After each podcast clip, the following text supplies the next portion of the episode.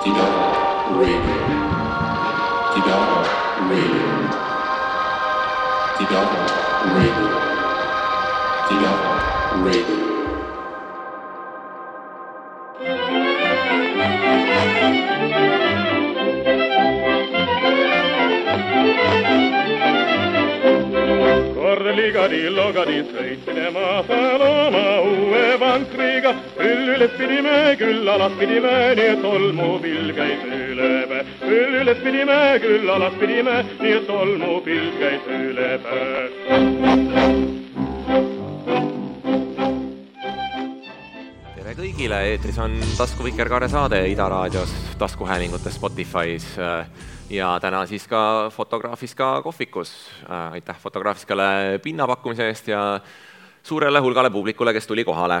Äh, räägime Eliise Rohtmetsaga feministlikust perepoliitikast. Äh, Eliise kirjutas sellel teemal väga hea artikli juulikuu Vikerkaares, palun kõigil lugeda, ostke numbrid ka, tellige, kõik see tavaline reklaamijutt.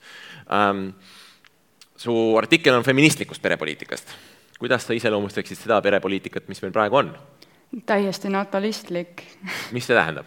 see tähendab seda, et see on suunatud äh, inimühikute juurdetootmisele, äh, see on rõlge biopoliitika ja täielikult äh, kuidagi, ma ütleks isegi lausa välistab, ma ei tea, kas nagu meelega või mitte, aga lausa nagu välistab kogu selle inimeseks olemise, selle taga lapsevanemaks olemise, selle selle protsessi, mis viib ühe inimese lapsevanemaks saamiseni, selles, seal selle põhifookus praegu Eestis, mida ma nagu ju noorest peale kogu aeg, ma olen kolmkümmend üks, ma olen lastetu, teeme, paneme kõik kaardid lauale, et te teate, kust ma tulen.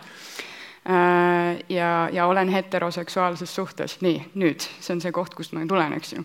ja, ja kohutavalt käib ajudele, et äh, kogu diskussioon on ainult sellest, kuidas teie, naised, saaksite juurde toota ja, ja see on äh, ju täiesti noh, see ei ole isegi ridade vahelt, vaid see on ju kohe nagu otse, eks ju, see Järvani artikkel, mida ma sinna linkisin.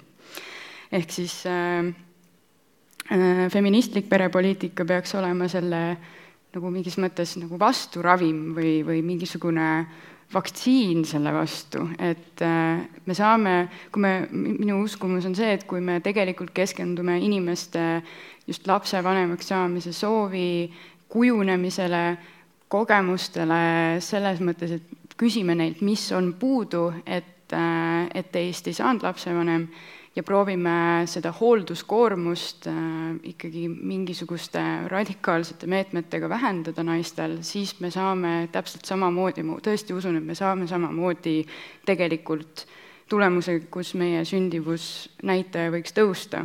ma ei tea, kas see nüüdseks praeguseks enam sinna taastootmistasemele suudaks, see on vist kaks koma seitse naise kohta praegu juba, aga, aga vähemalt äh,, vähemalt midagigi, et ma tunnen, et siin võiksid mingid nagu eesmärgid kattuda äh, konservatiividega, aga, aga ma leian, et see feministliku perepoliitika nagu see põhituum peab hoopis olema see, et milline see elu on siis, mitte kui palju neid lapsi me saame ma tahaks ikka seda natalistlikku perepoliitikat natuke lahti muukida, et et okei okay,, et üks asi on, on see, millest Kristjan Järvan kirjutab Twitteris või siis äh, Raul Eametsaga selles artiklis, kus mõne aasta taguse Äh, Postimehe laupäeva küljel, kus siis tõesti arvutati umbes välja, et äh, kui palju kulu äh, annab üks inimene Eestile ja kui palju ta peaks lapsi siis nii-öelda tootma selleks, et seda kulu tagasi teenida või midagi taolist. täpselt seda argumenti ei mäleta, aga, aga okei okay,, no see on see nii-öelda diskursiivne tasand. aga mul on natukene keeruline aru saada, et kuidas näiteks see, et ütleme, et kolmandale lapsele on äh, lapsetoetus kuussada viiskümmend euri või et, et meil on äh, pere äh,, vanemapuhkuse poliitika, mille raamid on sellised ja sellised äh,, mis suuresti sõltub näiteks lapsevanema sissetulekust, et kuidas see äh, kohtleb siis lapsevanemat mitte kui inimest, vaid kui tootmisüksust, et äh, et mis täpselt on selle kuuesaja viiekümne euro juures see, mis muudab su tootmisüksuseks minu meelest selles rahas üksinda ei olegi see, mis muudab sind selleks tootmisüksuseks, vaid see, kuidas selle raha andmine raamistatakse, et ma ju ka ise tegelikult äh, ütlen, et esimese lapse toetus tuleks äh, üles lükata. ja ehk siis kas keerame selle püramiidi tagurpidi, kui meil on vaja nagu, kui meil, kui me ütleme, et meil kuskilt raha võtta ei ole, ma ütlen hüva, aga pöörame tagurpidi, vaatame, mis siis saab et, et see raha ise ei ole see probleem, ma ise arvan ka, et subsideerida tuleb, toetada tuleb, aga just see, kuidas see raamistatakse, et mispärast seda tehakse. et kui me, see Ekspressi artikkel sellest, et on ju hullu, mille repliik oli, on ju hullumeelne riigile lapsi sünnitada, järelikult see on ju mingisugune diskursus praegu, et et teised naised ka, noored naised tajuvad, et, et me räägime sellest, et me teeme seda riigi jaoks, mitte, mitte armastusest või, või mingil muul põhjusel see on see, mis teeb sellest nagu natalistliku, mingisuguse nii-öelda suure noh, riigi jaoks lihtsalt mis iganes eesmärgil no kui võtta näiteks see Eesti Ekspressi artikkel, siis kus küsiti erinevatelt lastetutelt inimestelt, et mis takistab neid, miks nad ei taha lapsi saada. kui palju sa nägid selles artiklis kattuvust nende küsimustega, millega riiklik perepoliitika tegeleb, seal oli päris, päris palju erinevaid äh, põhjuseid, mida inimesed välja tõid, aga ma võib-olla laseks sul rääkida nendest põhjustest. Äh, minu mäletamist mööda äh, oli seal selline huvitav nüanss, et kahekümnendates inimesed äh, tundsid, et nad on liiga vaesed äh,, sellega justkui ju äh, perepoliitika tegeleks, aga see, see hetk ju puudutab esimese lapse saamist. ja esimese lapse eest ei saa meil suurt tuhkagi. ja äh, nii et mingis mõttes nagu justkui puudutab kaudselt, et, et majanduslikku ebastabiilsust või nagu seda, seda pauku nii-öelda palgale üritatakse äh, noh, kuidagi tasandada, aga seda esimese lapse küsimust üldse ei tõstatu, eks. aga teine asi, mis ma panin tähele, siis mida rohkem see vanus läheb seal äh, kõrgemaks, seda rohkem hakkab tekkima see küsimus sellest sobivast partnerist. ja vot see sobiva partneri küsimus on ju see, kuidas ka see, miks mul see heterofatalismi püstitus tuli, et et praegusel hetkel ikkagi on noh, minu vanuste ja nooremate seas ikkagi üsna heterofatalistlikud äh, tunded, et äh, et aga ma ju, ma ju näen, mis toimub, ma ju näen seda, et minul läheb halvaks, palgalõhe ründab mind peale just esimese lapse saamist ehk see on nagu lapsevanem, ema, emaduslõiv, eks ju, ja ma näen, et äh, need tüübid ei tee seal kodus suurt nagu noh, nad on toredad tüübid, nad on liberaalid, kõik on nagu tore, aga siis, kui on vaja nagu nõud ära pesta, siis ei pese neid nõusid nagu enam keegi, noh. Et, äh, et siis sa vaatad, aga kas ma tegelikult tahan seda üldse? Ja kus sellele ju perepoliitika meil üldse mingit tähelepanu ei pööra, see on täiesti väljas sellest, ehk siis see on see privaatsfääri küsimus, seal lonkab. nii ma katsun nüüd mängida sellist äh, head liberaali, me siin saime liberaalist äh, pikalt äh,, liberalismist pikalt rääkida äh,, ja siis ma oma maailmavaatest lähtuvalt ütleks, et, et nojah, et, et tõepoolest, aga, aga mis me sellega siis peale hakata saame, et see ei ole ju riigi ülesanne. et riik tegeleb selliste asjadega nagu äh, maksumäärade seadmine ja võib-olla mingite regu-, majanduslike regulatsioonide paikapanemine ja, ja võib-olla loob mingisuguseid eeldusi võrdsete õiguste realiseerimiseks, noh nagu seesama abieluvõrdsus ja, ja, ja muud taolised küsimused, aga see, kuidas kaks inimest, kaks täiskasvanud inimest äh, oma äh, koduseid seinte vahel mingi koduste tööde jaotust lahendavad, noh, see tõesti ei ole riigi ülesanne, kogu äh, liberalistlik maailmavaade on üles ehitatud sellele, et see, mis toimub avalikust sfäärist väljaspool, see on inimeste teovõimeliste inimeste omavahelise läbirääkimise küsimus.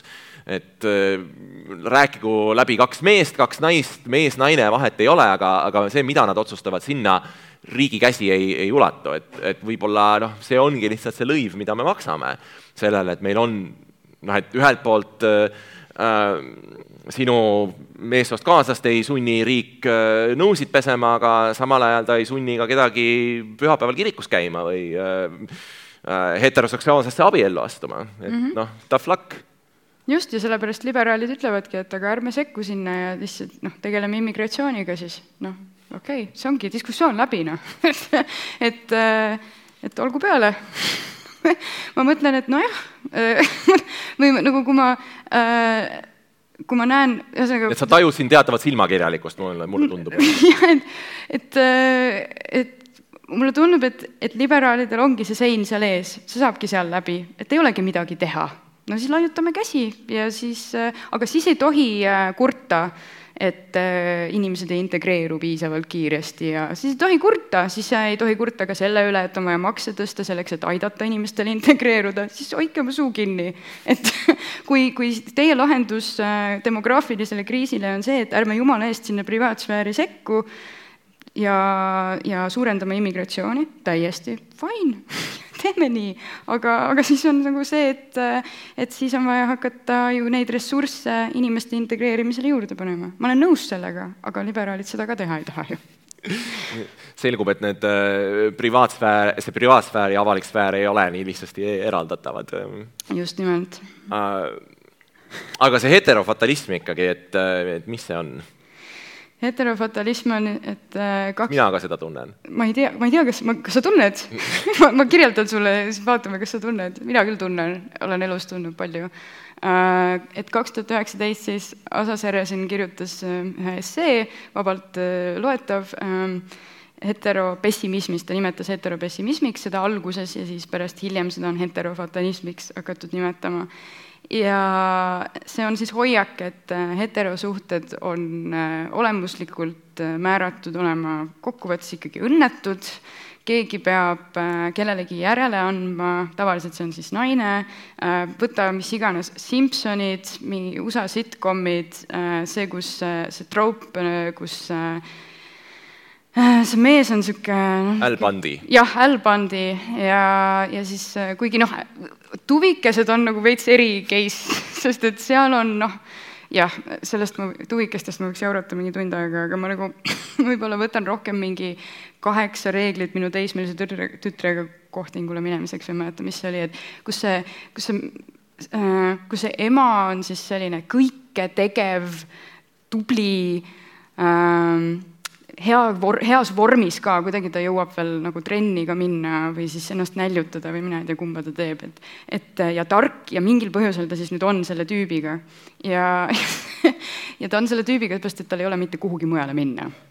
sest et kõik teised tüübid on ka sellised, et see võtab selle heterofatalismi väga hästi kokku minu arust ähm, ja, ja seda, ja see on tegelikult tekitanud sellises nagu, mina olen niisugune noor, ütleme siis noorem Y-põlvkond niimoodi tinglikult äh, ja, ja nooremates sellise noh, selle nagu, selle käega löömise, et aga, aga ärme siis tee. et kui, kui see on ainuke variant äh,, ärme siis tee üldse ja siis võtame kassid ja koerad ja joome veini.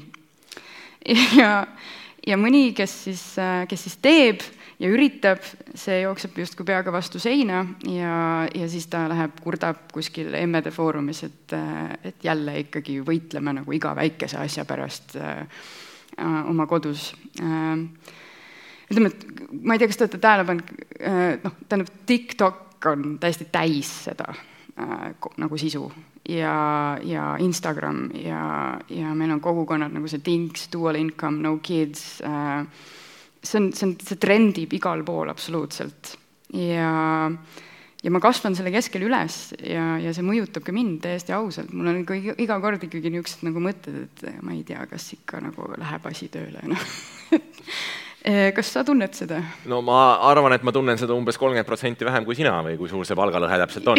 Et et minule, minule esitab ühiskond äh, vähem selliseid vastuolulisi ootusi, mis on ka nagu omamoodi frustreeriv teinekord, et äh, et noh, et, et kui sa siis juhtumisi näiteks oled see inimene, kes põhiliselt äh, majapidamises süüa teeb, siis ja keegi saab sellest teada, siis vaadatakse sind natukene nagu mingisugust maailmaimet või noh, umbes, et nagu soovin õnne, sa oled õnne, õppinud nagu enda järelt sokke üles korjama, et on ka natuke niisugune, et noh, et tõesti, et tõstaks selle lati natukene kõrgemale võib-olla aga jah, noh, ja samamoodi, et äh, et kui sa ei sobitu oma olemuselt mingisuguste maskuliinsete normidega, siis tuletatakse sulle seda igal sammul meelde, noh, kindlasti mitte nii palju kui siis, kui sa ei sobitu koduperenaise normidega.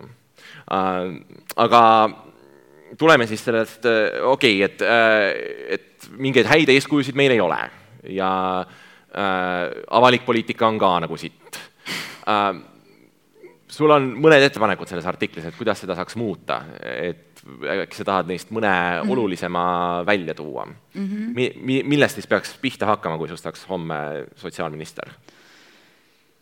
ma olen saanud praegu mõnedelt äh, noortelt naistelt tagasisidet, et sellel esimese lapse kõrgel toetusel on nagu jumet. et see võtab seda hirmu kõvasti vähemaks. ja kui me vaatame, ma, ma lugesin paari uuringut ka, et äh, just ja Ene-Margit Tiit ütles ka sama, et see vara nii-öelda hilisüheksakümnendate äh, hoiak, et vajab toetust just see kolmas, äh, et see enam ei päde, et nüüd me näeme ju ikkagi seda lastetuse, tähendab, demograafiliselt me lähme, me väheneme nende arvelt, kes üldse ei saa, mitte et inimesed saaks vähe lapsi, ei, need, kes saavad, need saavad kaks-kolm enamjaolt ikka veel need aga suureneb muudkui inimeste hulk, kes üldse ei saa. ja see tähendab, probleem on eks ju seal. Ja me peame kuulama, mida need inimesed räägivad. Ja kui me nüüd lähme teistpidi ja vaatame, kuidas vanuse kasvades äh, eelkõige noh, meestel ka, aga naistel tuleb see, et äh, ma ei ole lapsi saanud sobiva partneri puudumisel, no siis peaks kuulama, mida see nüüd täpselt tähendab. Äh, ja, ja üks selline idee, mille ma tegelikult olen saanud äh, täitsa nagu konservatiividelt, äh, Eestis küll mitte, eks ju, sellest ei räägita, aga aga USA-s natukene küll, et aga äkki peakski seda esimest laps, last heldelt subsideerima, sellepärast et see just võtabki seda hirmu vähemaks ja et ähm, seal võib olla see potentsiaal, et see kuna meil on andmeid selle kohta, et kui inimesed juba selle esimese lapse saavad, siis teatud hirmud lähevad ära, siis see just annaks nagu selle tõuke. Ja miks ma seda üldse räägin, on sellepärast, et meil on ikkagi märgatavalt palju inimesi, kes on õnnetud selle üle, et nad ei saanud kunagi lapsi. Ja, ja ka just selle põhjusel, et polnud sobivat partnerit, ehk see on see involuntary childlessness ehk tahtmatu lastetus, et see on üsna kasvav äh, fenomen, et see ei ole jälle nii-öelda natalistlik, vaid ma pööran selle ümber, ma tahan nagu, et inimesed saaksid oma elusoove äh, realiseerida. minu meelest see esimese lapse küsimus haakub päris hästi ka meie eelmise saate vestlusega, kus me rääkisime Gustav Kalmuga äh, liberalismist ja, ja sellistest, äh, sellest, kuidas Eesti poliitikas ei pöörata tähelepanu poliitikate ümberjaotavale või distributiivsele mõõtmele, eks ju. ja e Eesti perepoliitika minu meelest on päris hea näide sellest, eks ju, et kui üks hirm esimese lapse saamise ees on see, et, et ma ei ole majanduslikult selleks valmis, eks ju, mida sa mainisid, siis noh, ma kujutan ette, et seda võimendab mingil määral Eesti Äh, vanemahüvitise poliitika, mis on väga tugevasti seotud äh, siis selle konkreetse inimese keskmise sissetulekuga, eks ju. ja, ja jookseb päris kaua mööda seda äh, sissetulekut, et see vist piir on seatud kuskile kolme või, või viiekordse keskmise palga juurde ma täpselt ei mäleta, mis ta praegu on, aga, aga igatahes mida jõu-, mida paremal järjel sa juba oled, seda rohkem äh, riik sind nii-öelda toetab, eks ju, et mis absoluutselt ei lahenda seda probleemi, et inimesed tunnevad, et nad ei ole majanduslikult valmis. et kui nad on majanduslikult valmis, siis nad saavad selle lapse nii ehk naa. aga sul, sul olid teised äh, ettepanekud äh, seal veel, üks, mis minu meelest oli, oli hästi huvitav, oli ähm, suurendada, õigemini anda riigile vastutus elatisraha maksmise eest üksikvanematele, kas sa, see on minu meelest päris nagu dramaatiline äh, pööre meie praeguses praktikas, et kas sa ja midagi, millest üldse eriti ei räägita perepoliitika kujundamisel, et äkki sa mm -hmm. laiendaksid seda natukene ähm,?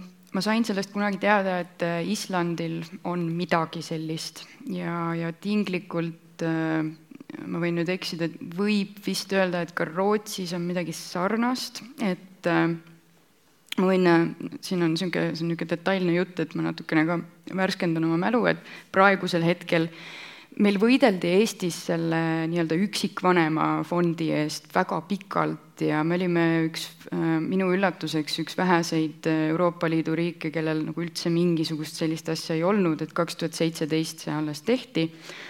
ja mida see siis praegu tähendab, on see, et ema peab minema elatist ise kohtu kaudu välja nõudma Äh, kui neli kuud pole raha laekunud, on emal õigus saada kuni sada eurot elatisabi kuus. no see ei ole ju mitte midagi äh, ja äh, aga fakt on see, et kogu see protsess on nüüd ikkagi selle üksikvanema, enamjaolt naise kaelas ja kohtusse minemine ei ole sugugi odav. selles mõttes me võime ka rääkida sellest probleemist, et et mis iganes asjade tsiviilkohtus vaidlemine on kohutav kulu ja kuidas peaks vaene inimene seda saama teha. riigilt on võimalik jah, saada spetsiaalselt seda abi, aga kui sa kaotad mingil põhjusel, sa pead selle tagasi maksma kuigi noh, ütleme selles küsimuses ilmselt on see risk noh, väga väike või vähemalt ma ei kujuta ette, mis oleks olukord, kus üksikvanem läheb elatist nõudma ja siis see noh, seda ei rahuldata aga äh, on, on teine variant, kus ikkagi sina lähed, annad avalduse kohalikule omavalitsusele või, või otse riigile, ma ei, näiteks Sotsiaalkindlustusamet äkki võiks olla midagi sellist, ja siis nemad ajavad selle kogu asja sinu eest ära. Et äh, sina ei pea ennast äh, niigi juba nii-öelda niisuguses palju prekaarsemas, palju õrnemas äh, situatsioonis kurnama kohtute kaudu, eks ju, seda elatisabi välja, elatisraha välja nõudmas, vaid seda teeb riik sinu eest, võttes seda meeletut emotsionaalset koormust sult vähemaks. jah, see on ka üks nendest poliitikatest, millel mulle tundub, on päris oluline ebavõrdsust tasandav efekt, sest et kui sa mõtled, et kellel on neid vaimseid, ajalisi, äh, intellektuaalseid ressursse, et tegeleda mingisuguse kohtus käimisega, kelleltki millegi väljanõudmisega, mingite ametnikega suhtlemisega, siis need on ikkagi need inimesed, kellel on äh, kõrgem haridustase, rohkem kultuurilist või sümboolset kapitali, äh, lihtsalt kapitali, et neid mingeid, et endale kas või mingeid advokaate palgata või, või mida iganes, et kui see anda riigile ja öelda, et sina ei pea millegi pärast muretsema, siis see võiks ju ka aidata seda just, et ma seda ka toon välja, et isegi kui see isa ei maksa seda raha, siis tema jääb riigile võlgu, sina saad selle raha alati nagu aamen kirikus, et, et see on nagu see ju, mida me vajame, et see on see stabiilsus. sest praegu ikkagi äh, ka sa ei saa ennem minna nõudma sellise neli kuud, neli kuud pead sa olema, noh, ootama. ja mida siis veel äh, tehakse, ma olen kuulnud nii-öelda turu pealt, on noh, see, et sa maksad siis, need isad maksavad natukene natukene ja siis ei ole, siis saab seda jälle, seda protsessi venitada. ma tahaks ühe välja, äh, meetme välja tuua, mida ma ei jõudnud siia artiklisse kirjutada, aga mille peale ma pärast mõtlesin, et oleks ikka hirmsasti pidanud, on meil ju vanavanemad ehk nagu inimesed ju töötavad tänapäeval palju-palju kauem kui äh, veel siis näiteks, kui mina, mina sündisin üheksakümmend kaks, minu vanaema läks pensionile viiekümne kahe aastasena see tähendab, et ta sai minu, mind hoida samal ajal, kui minu ema käis tööl, see ei ole enam ju mingisugune reaalsus, et äh, äh, meil vanavanemad käivad ka tööl. kes on siis need inimesed, kus see turvavõrgustik peaks tekkima? et on hakatud arutama sellise, tähendab, see ei ole minu üldse mingi originaalne idee, ma mõtlesin üks päev selle peale, et kuule, et aga meil oleks ju vanavanemate lapsehoolduspuhkust ka vaja ja siis ma hakkasin vaatama, et tõepoolest sellest räägitakse, see on täitsa päris asi. ja aga kas kuskil nüüd tehtud on, ma veel ei tea, aga, aga räägitakse, et äh, kui, kui me kõik töötame ennast surnuks, siis, siis peaks neid, neid pause, neid ettekäändeid pausideks tekitama ju juurde. Yeah, yeah, yeah, yeah.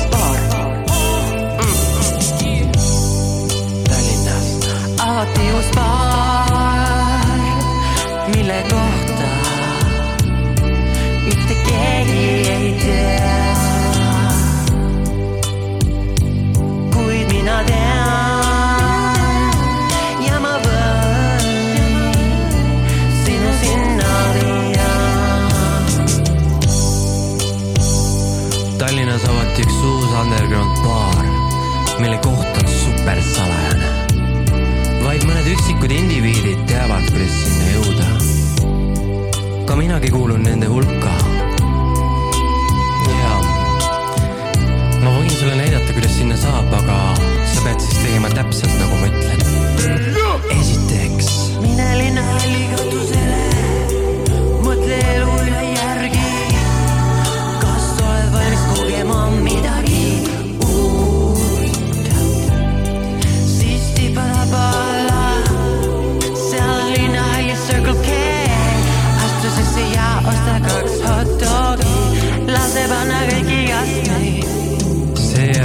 Yandexi takso ja sõida Männikule hotell Džingelisse.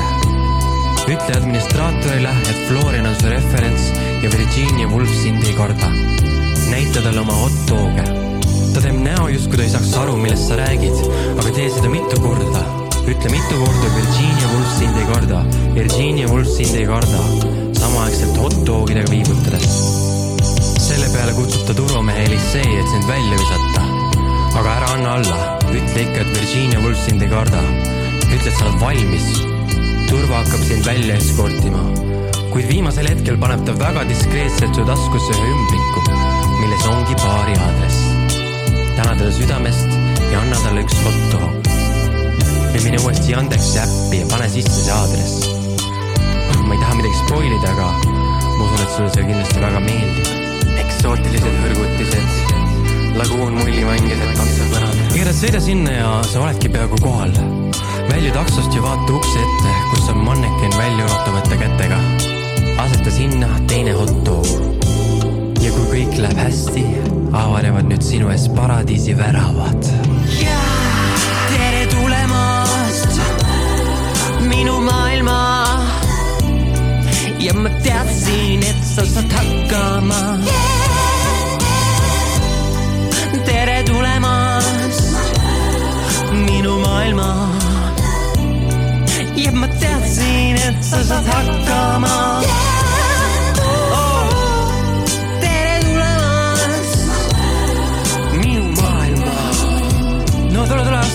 Edasi, vaata, siin on meil väike armas äh, pisike Swarovski kristallbassein ah,. see on Arnold, üks tolerantne tiiger, ära muretse.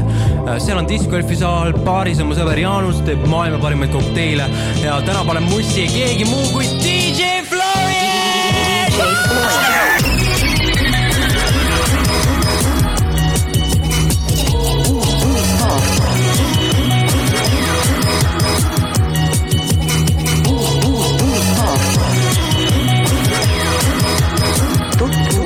Uus eksklusiivne underground baar.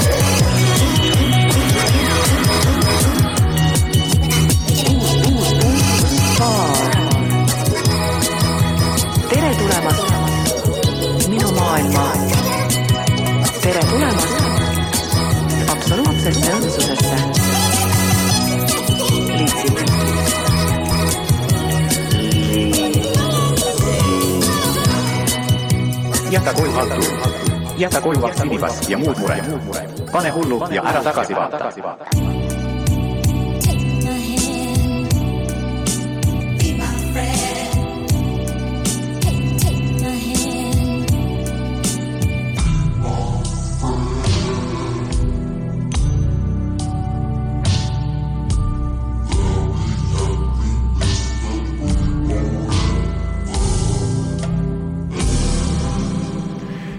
Siis on sul siin äh, nende ettepanekute hulgas terve rida äh, ettepanekuid, millest ma põhimõtteliselt saan aru, et mille taga on see arusaam, et äh, tööjõuturult eemale jäämine on üks suuremaid asju, mis paneb äh, naistele põntsu. Äh, karjääri arengus, palga, suurendab palgalõhet tekitab igasuguseid probleeme ja siis need ettepanekud aitavad äh, ühendada töö- ja pereelu, eks ju, noh näiteks, et äh, kohustada ettevõtetel pakkuda oma territooriumil lastehoiuteenust näiteks, et sa saad jätta oma lapse kuskile.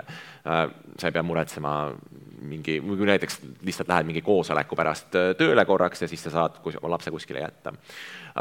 Teisalt jällegi mulle, mulle tundub, et sellel kõigel on natuke selline neoliberaalne maik mann, jah, et et natukene ta keerleb ikkagi selle ümber, et kuidas siis aidata naistel saada siis, kui mitte produk-, mitte reproduktiivseteks üksusteks, siis produktiivseteks üksusteks, eks ju, et nad saaksid ikka seda numbrit kõrgemale ajada.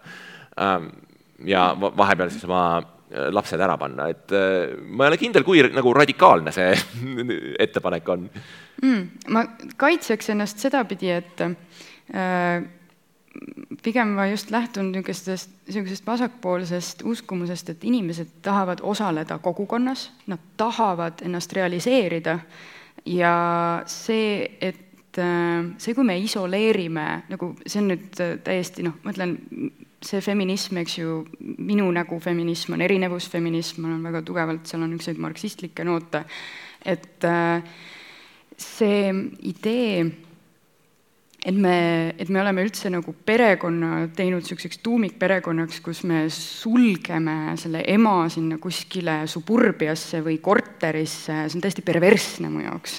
Et, et äh, see idee, et sa oled nagu nüüd mingisugusel puhkusel, mida see ei ole, see on töö, mida sa teed äh,, ja sa siis äh, äh, oled seal mingisugusel pausil, kõigest ära lõigatud, see on, see on, see on loomuvastane minu jaoks, et, et see äh, idee seal taga ei ole mitte see, et sa oled nii-öelda tubli töömesilane edasi või mingi ühiskondlik produktiivsus sul tõuseb, vaid et sa saad elada sest sul on ju muu elu ka. et, äh, et see noh, kas või see, mind liigutas see Tuul Sepa artikkel, et noh, et oligi kaks tundi päevas, et sellega ta hoidis oma projektid, äh, ämm tõi talle imiku imetada, siis ta sai natuke edasi teha, tuli koju, et need väiksed törtsud nagu, et, et sa tunned, et sa, sa ei kaota ennast, sest kui ma, noh, ma arvan, et siin paljud inimesed on lugenud ju või ise ka tundnud seda, et et äh, naistel on äh, väga suur noh, niisugune fenomen on nagu see, see tunne, et sa kaotasid ennast, sa oled täpselt seesama inimene ju edasi. aga järsku oled sa kuskil mingisugune, mingisugune emme ja, ja kõik need sinu, sinu vestlused, sinu riukalikkus, sinu unistused, need on nagu kuskile nüüd ära lükatud või sul ei tohi neid olla, et või siis ma hästi palju kuulen väikelaste emadelt seda, et oh, issand, kuidas tahaks täiskasvanuga rohkem natuke rääkida, ma pole viis päeva ühegi täiskasvanuga rääkinud, siis ma mõtlesin, et kuidas, see ei ole normaalne ju. see plää-plää ei ole kõige huvitavam vestlus jah, tõesti, kaheaastasega väga armas kindlasti mingites teistes dimensioonides. ja et, et see paindlikkus just see, et me integreerime taas nagu sinu, sinu nii-öelda koduvälise elu võib-olla või et me üldse nagu lahu-, noh, lahustame need piirid ära, et me toome selle nagu tagasi, ma arvan, et see mõjub ka inimeste ja naiste vaimsele tervisele väga kasulikult. ja normaliseerime lapsi tööelus ähm, et, et ma rohkem tulen sealt. ma, no ma usun, et ma ostan seda ja et noh, et see, et Suburbia on perversne, sellega ma arvan, me võime kõik nõustuda. ja mitte see hea, head laadi perversne, see nagu nõme perversne ähm, aga et võib-olla me peaksime siis mõtlema natukene laiemalt ja, ja mõtlema sellele, kuidas mingitel poliitikatel, mida me ei millest me ei mõtlegi kui perepoliitikatest, on tegelikult oma perepoliitilised dimensioonid, et mulle tundub näiteks, et et äh, tööpäeva lühendamine neljakümnelt tunnilt kolmekümne kahele tunnile oleks tegelikult nagu mega hea perepoliitiline liigutus. või siis näiteks noh, nende suburbiate juurde tagasi tulles, et mingisugused linnaplaneerimislikud äh, äh, poliitikad, et, et ma käisin üks päev Kalamajas ringi oma äh, kahe sõbra ja nende paariaastase põngerijaga ja, ja mõtlesin sellele, et, et noh, et mina elan Los Angeleses kus see mõte, et sa üleüldse mingi titega tänavale lähed, äh, on täiesti mõeldamatu, sest et Ford F-150 sõidab tast nagu hetkega üle sa saad hoida teda ainult oma tagahoovis või siis selles samas Ford F-150-s. aga siin sa võid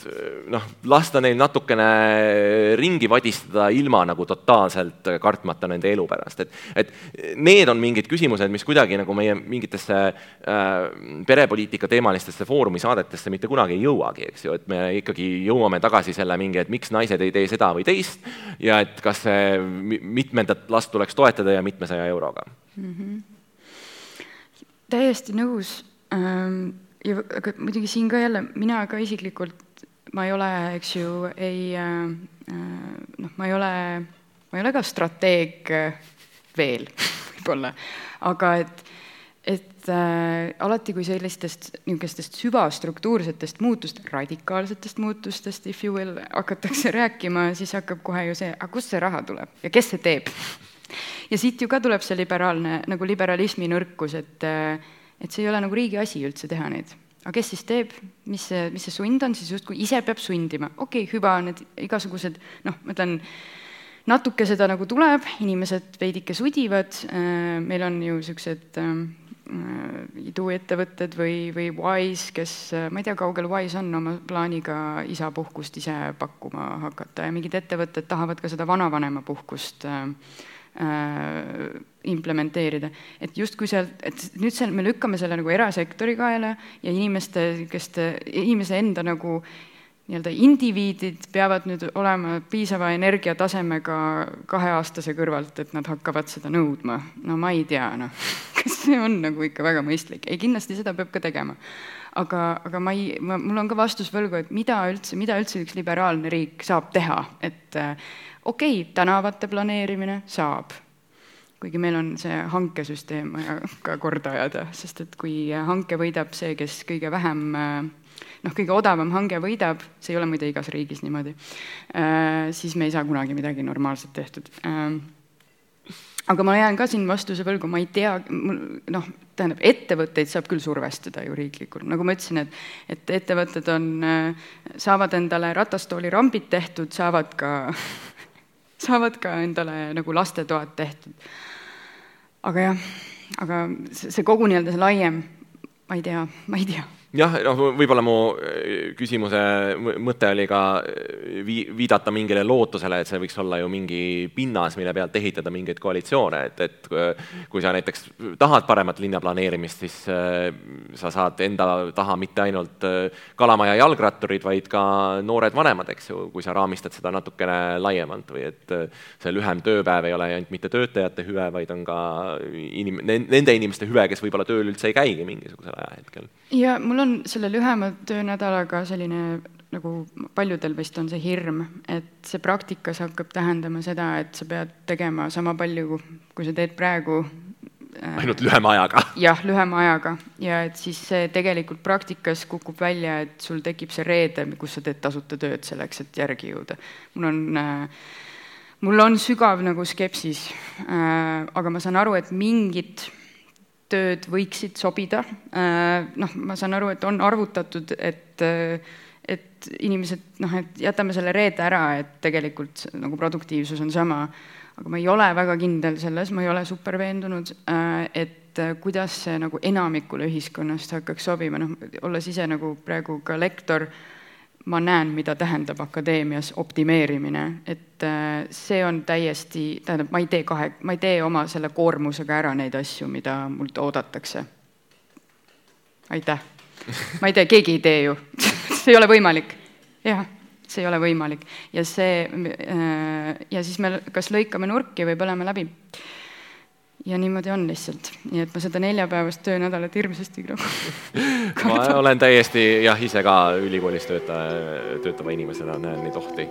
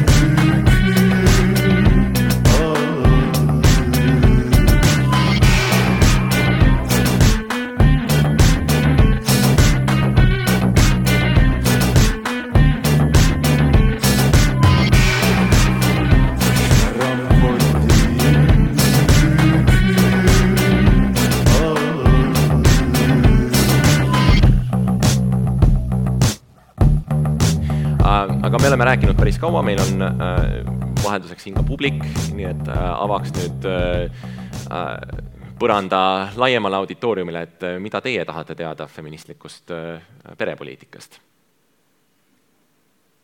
või natalistlikust perepoliitikast, nii, esimene. Huviline tuleb siit nii, ma üritan täiesti lühidalt, et ma tegelikult tahaks ikkagi selle juurde tagasi tulla, millega te lõpetasite, mis on see, et äh, ma ei taha nagu selles olemasolevas struktuuris mingeid pisikesi tükke liigutada nagu puslet, vaid ikkagist küsida, et, et kuidas sa näed, et mida on vaja nagu süsteemselt muuta, sest vaata, kui me võtame selle feministlik sealt eest ja nüüd hakkame mõtlema, et võib-olla paljudel inimestel ei ole seda sõnavara, äh, neid teadmisi ja kui seda nagu laiemalt Äh, ühiskonnas, äh, näiteks kui lähtuda raamatust Radical Intimacy, mis räägibki sellest, milles, mida sina ka lahti harutasid põhimõtteliselt, et et me ei saa nagu mõtestada inimsuhteid niimoodi hierarhiliselt, et see romantiline suhe on siin üleval. võib-olla meil polegi vaja perepoliitikat, võib-olla meil on vaja inimväärse elu poliitikat, eks ole, et jaa, selles mõttes, et palun raputa meid süsteemselt jah, ma olen nõus, et uh, see perepoliitika oli niisugune nagu marker, aga jah, inimeseks olemise poliitikat. Äh, et raputada süsteemselt ma ikkagi, no ma ikkagi natukene tahaks, et, et õigus tungiks privaatsfääri kohati. et sul on võimalik seal midagi nagu nõuda, millegagi ähvardada võib-olla, see on see vihane pool minus, et aga aga see muidugi liberaalidele kohe üldse ei meeldi kindlasti ja, ja ma ei tea, kas see mulle ka lõppude lõpuks, lõpuks meeldis, aga, meeldiks, aga mida ma mõtlen pidevalt, on selline asi nagu töötajate demokraatia, worker democracy, mis on ikkagi jälle, lähme tagasi sinna, et et kui me räägime äh, tööelust näiteks eraettevõttes ja ka riigiettevõttes, ülikoolides, et äh, neid otsuseid selle organisatsiooni käekäigu kohta teeksid töötajad ise. ja kui me selle teeksime ära, mis on ju sisuliselt sotsialistlik revolutsioon, siis või vähemalt mingisuguses, me võime mingeid eufemisme siin kasutada, et jah, töötajate demokraatia, et teeme seda mingite reformidega ja inimesed ise organiseeruvad, ma arvan, et see oleks see, mis seda, seda tasakaalustaks juba iseenesest. Sest praegusel hetkel töötaja palgatöötaja ei tee eriti mingeid otsuseid. kas see võiks olla üks variant?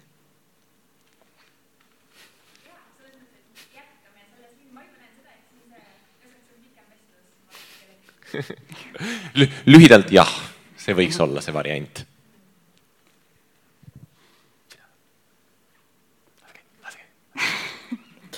Ma mõtlesin, et äh, ma kasutan võimalust ja äh, annan eetrisse ühe kaebuse äh,, mitte niivõrd riigi, vaid võib-olla pigem rohkem äh, feministliku liikumise suunal ähm,.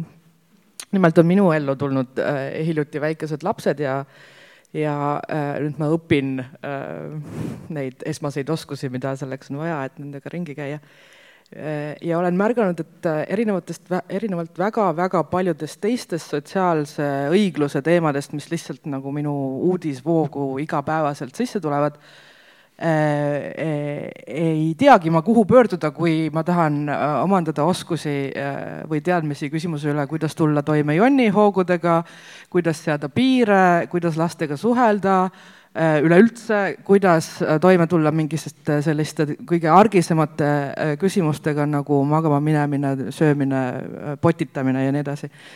Ähm, ja, ja ma avastasin, et see on mingi selline lünka, ütleme, feministlikus või sellises laiemas ühiskondlikus diskussioonis, et ma võin küll igal õhtul minna mõnele tasuta kultuuriüritusele, kus arutatakse, ma ei tea, kas kaasaegset kunsti või ühiskondlikke äh, Äh, protsesse ähm, äh, sageli on võimalus ka teha tasuta joogat äh, veebi vahendusel, aga kõik need praktilised teadmised, mis puudutavad, eks ole, väikeste inimeste kasvatamist, seda lihtsalt ei ole pildil. Ähm, Äh, kes otsib, see loomulikult leiab ja nii edasi, see ei olegi nüüd küsimus, vaid kommentaar, aga mm, -hmm. aga võib-olla inimesena, kes, kes ähm, ei ole ka ähm,, kes ei suuna oma ootusi kõige esimesena riigi poole, siis minu küsimus võib-olla sellest feministliku perepoliitika äh, kujundamisest on ka see, et, et mida me saaksime nagu feministlike ühiskonna liikmetena äh, teha selleks ähm,, et see äh,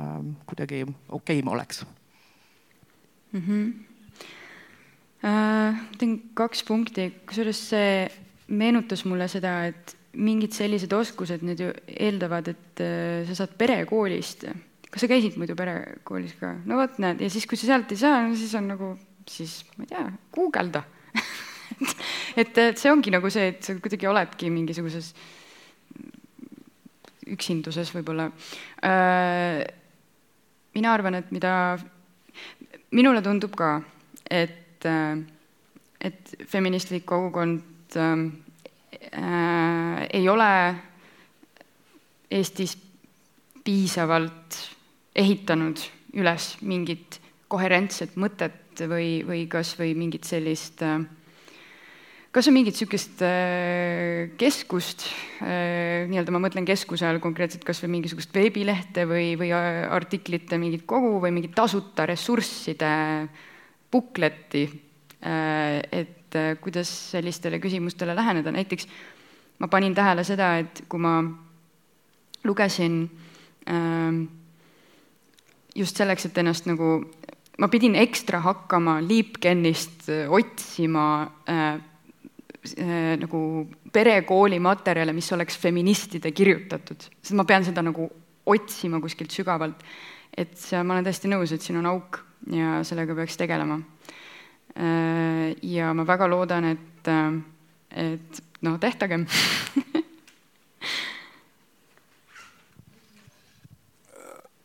siin kõlasid need sellised äh, nii-öelda privaatelu puudutavad teemad ka ja siis üks oli nagu see, et, et meil on see nii-öelda tüüp, kes ei pese nõusid ja, ja et kuidas sa siis sellises olukorras hakkama saad ja, ja samas kuulin, kuulsin ka, et, et äh, liberaalse riigi ülesanne ei ole nagu tegeleda nende asjadega, mis jäävad privaatsfääri. aga noh, siis selline tavaline nagu vastus, et kuidas siis sellest üle saada, on, et, et normid või kultuur peab muutuma. aga samas äh, siis võiks arvata, et kas sellel kultuuri muutmisel on, on siis ka sellel liberaalsel riigil ja võib-olla haridussüsteemil mingi roll? võiks ju olla. Äh, ma ühe ettepanekuna ju toon siin ka välja selle, et äh, kui mina keskkoolis mina sain mingi, mingisugust asja, mida nimetatakse perekonnaõpetuseks, ma ei mäleta sellest enam eriti midagi, see oli mingisugune kolm-neli tundi räägiti lihtsalt sellest, et millist laadi armastust ajaloos on defineeritud ja that was about it. aga kui me päriselt äh, räägiksime äh,, sellest on nii palju nagu räägitud, aga kuidagi see asi ei jõua tegudeni, et et, äh, koolis me hakkame andma inimestele ikkagi emotsionaalse, äh, endaga toime, emotsionaalse toimetuleku haridust ja üks osa sellest on õpetada inimestele termineid nagu emotsionaalne töö. Äh, et millega nad saavad osutada sellele probleemile nagu või mingi, see on see administratiivne ülekoormus või, või siis, või selline väljend nagu see teine vahetus, see on siis see, et sina lähed tööle ja siis tuled koju ja siis hakkad seal uuesti tööle. Mm, et kui me perekonnaõpetusse integreeriks need ideed. Tähendab, need kõik on olemas, mul on nii kahju alati, et meil on nii palju asju ära tehtud, aga neid ei implementeerita, et see teadmine on tegelikult seal olemas.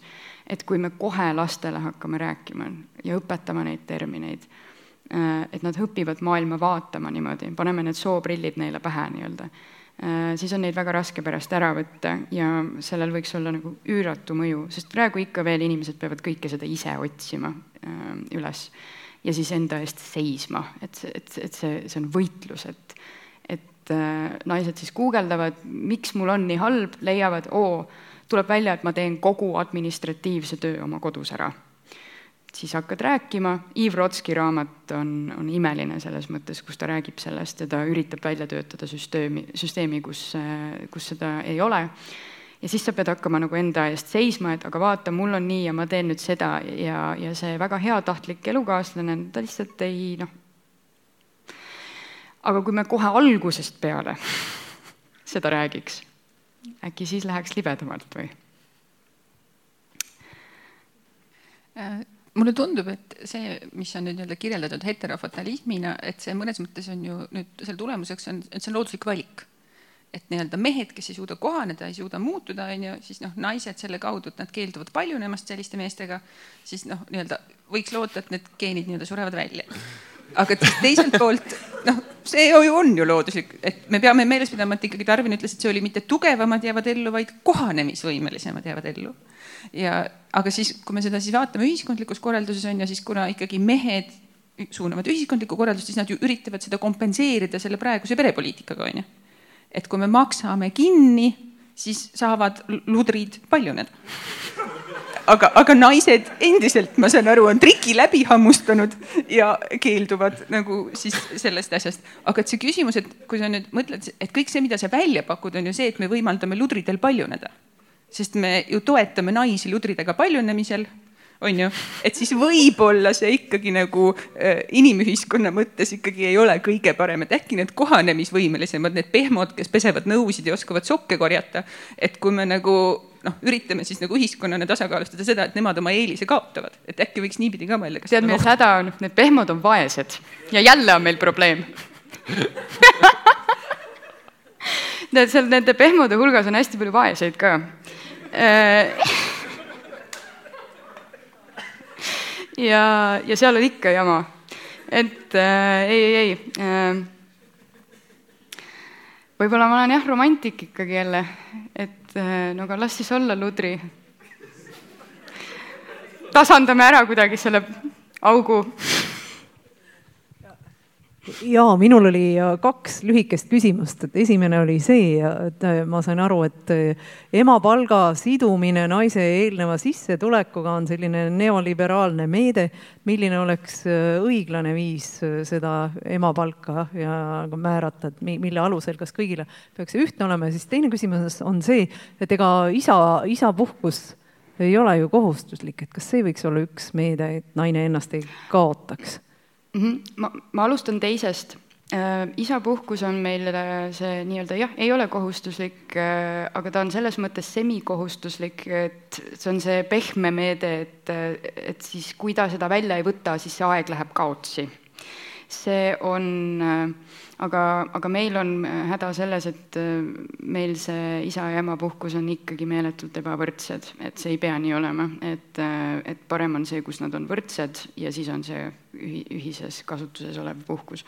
aga äh, äh, jah äh,, see võiks paremaks teha, mina tahan, et need oleksid võrdse pikkusega aga see esimene küsimus, oota, korda mulle korra äh, uuesti, see esimene oli keerulisem.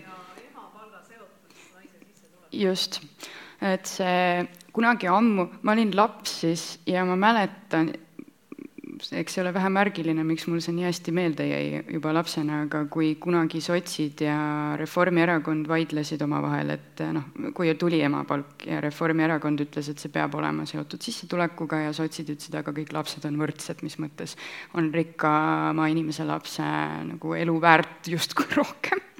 E,, siis mina arvan, et äkki on võimalik ikkagi minna seda teed, et lapsed on võrdsed ja äkki on võimalik ähm, seal, ma olen mõelnud selle peale, mis see mõõdik oleks, kuidas seda arvutada, kuidagi siduda see lihtsalt äh, käesolevas hetkes nii-öelda mingite nii-öelda üldinimlike parameetrite järgi, eks neid ju tehakse ka, äh, et äh, palju maksab nagu terves, hea toiduga terves keskkonnas lapse üleskasvatamine ja selle määraga inimestele maksta. muidugi vaat siit tulevad, ma tahan provotseerida ka natuke selle Reformierakonna äh, kunagise nagu üldse selle praeguse poliitikaga natuke kergelt eugeenilised jooned, et see ju tegelikult on suunatud selle, äh, selle poole, et et äh, just haritud naised ja, ja suurema sissetulekuga inimesed saaksid rohkem lapsi. ja seda on ka otse välja öeldud, äh, kas mitte isegi selles samas, äh, samas Järvani artiklis, et, äh, et me näeme, et kõige suurema mõju, et lapsetoetused mõjuvad kõige rohkem just kõrgharitud naiste käi-, paljunemiskäitumisele et, et siin on ju see on ju välja öeldud, mis selle mõte on.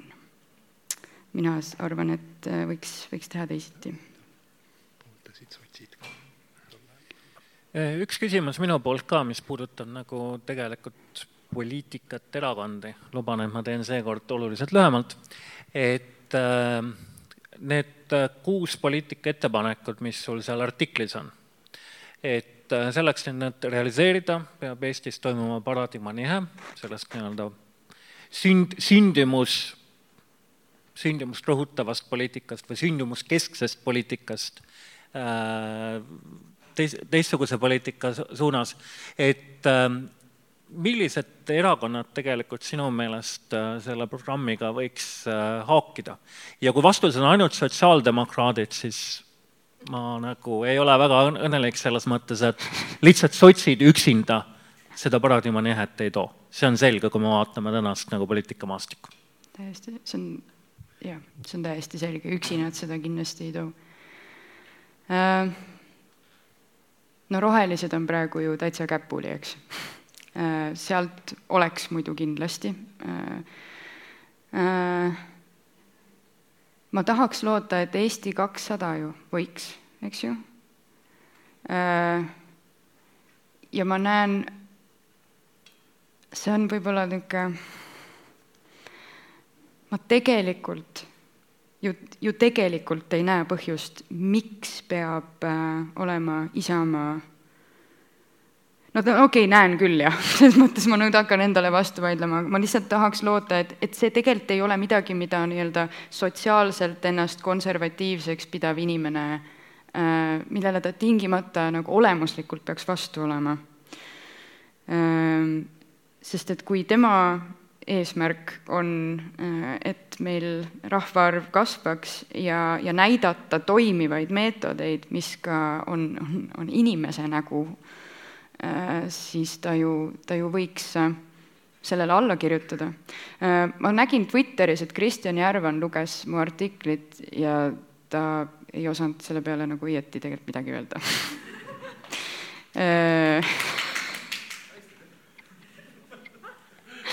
nii et ma mõtlesin, et ikka tundub, et mingi sügav error on, ongi para-, ongi ühismõõdutus äkki paradigmade vahel võib-olla see on just märk sellest, et äh, on lootust, et ta on ka veendav, sest vähemalt siis ta ei ole otseselt vastu. jah, ta arvas, et ma tahan, et üksikemasid juurde tuleks siis ma ei tea, kuidas, kuidas see ikka nüüd niimoodi sealt välja tuli talle, aga äh, aga tegelikult on olukord nukker, jah, ma, ma praegu arvan, et sotsid Eesti kakssada ja, ja kui seal Reformierakonnas noored rohkem nagu võimu saavad, äkki nemad ka, aga, aga hirmsasti ma, ma ei, ma ei näe tegelikult mingit olemuslikku nagu vastuolu sellele, et miks ei võiks näiteks Isamaa olla. Keskerakond või? ma ei tea Nad on minu per-, nad, ma olen võib-olla ebaõiglaselt Keskerakonna täiesti nagu välja lõiganud enda jaoks, ma olen nii mitu korda neist pettunud, et ma olen kibe, kibestunud nende suhtes juba. aga võiks jah, äkki ju, ma ei tea, ma ei tea, millega nad, nad, nad surevad ära ju kohe. Neid ei ole ju varsti enam.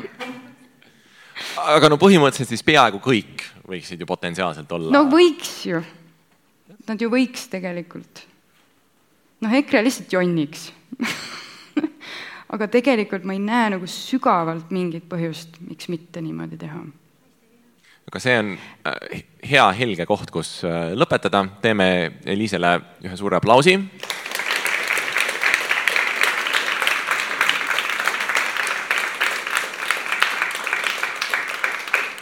ja aitäh siis kõigile, kes siia tulid ja kõigile, kes kuulasid Ida raadios või kuskil mujal mina olen Aro Velmet, järgmisel kuul uued teemad, äh, ikka Ida raadios, aitäh Fotograafiskale meile pinda pakkumast ja aitäh publikule. Äh, üldiselt meil on neid Vikerkaare numbreid veel, nii et palun ostke peatoimetaja käest ja hängige ja võtke veel üks jook ja rääkige mured ära üksteisele ja esinejatele ja nautige et suur aitäh. Äh,, väga uhke seltskond ja head küsimused ja üldse sihukest värki peaks rohkem tegema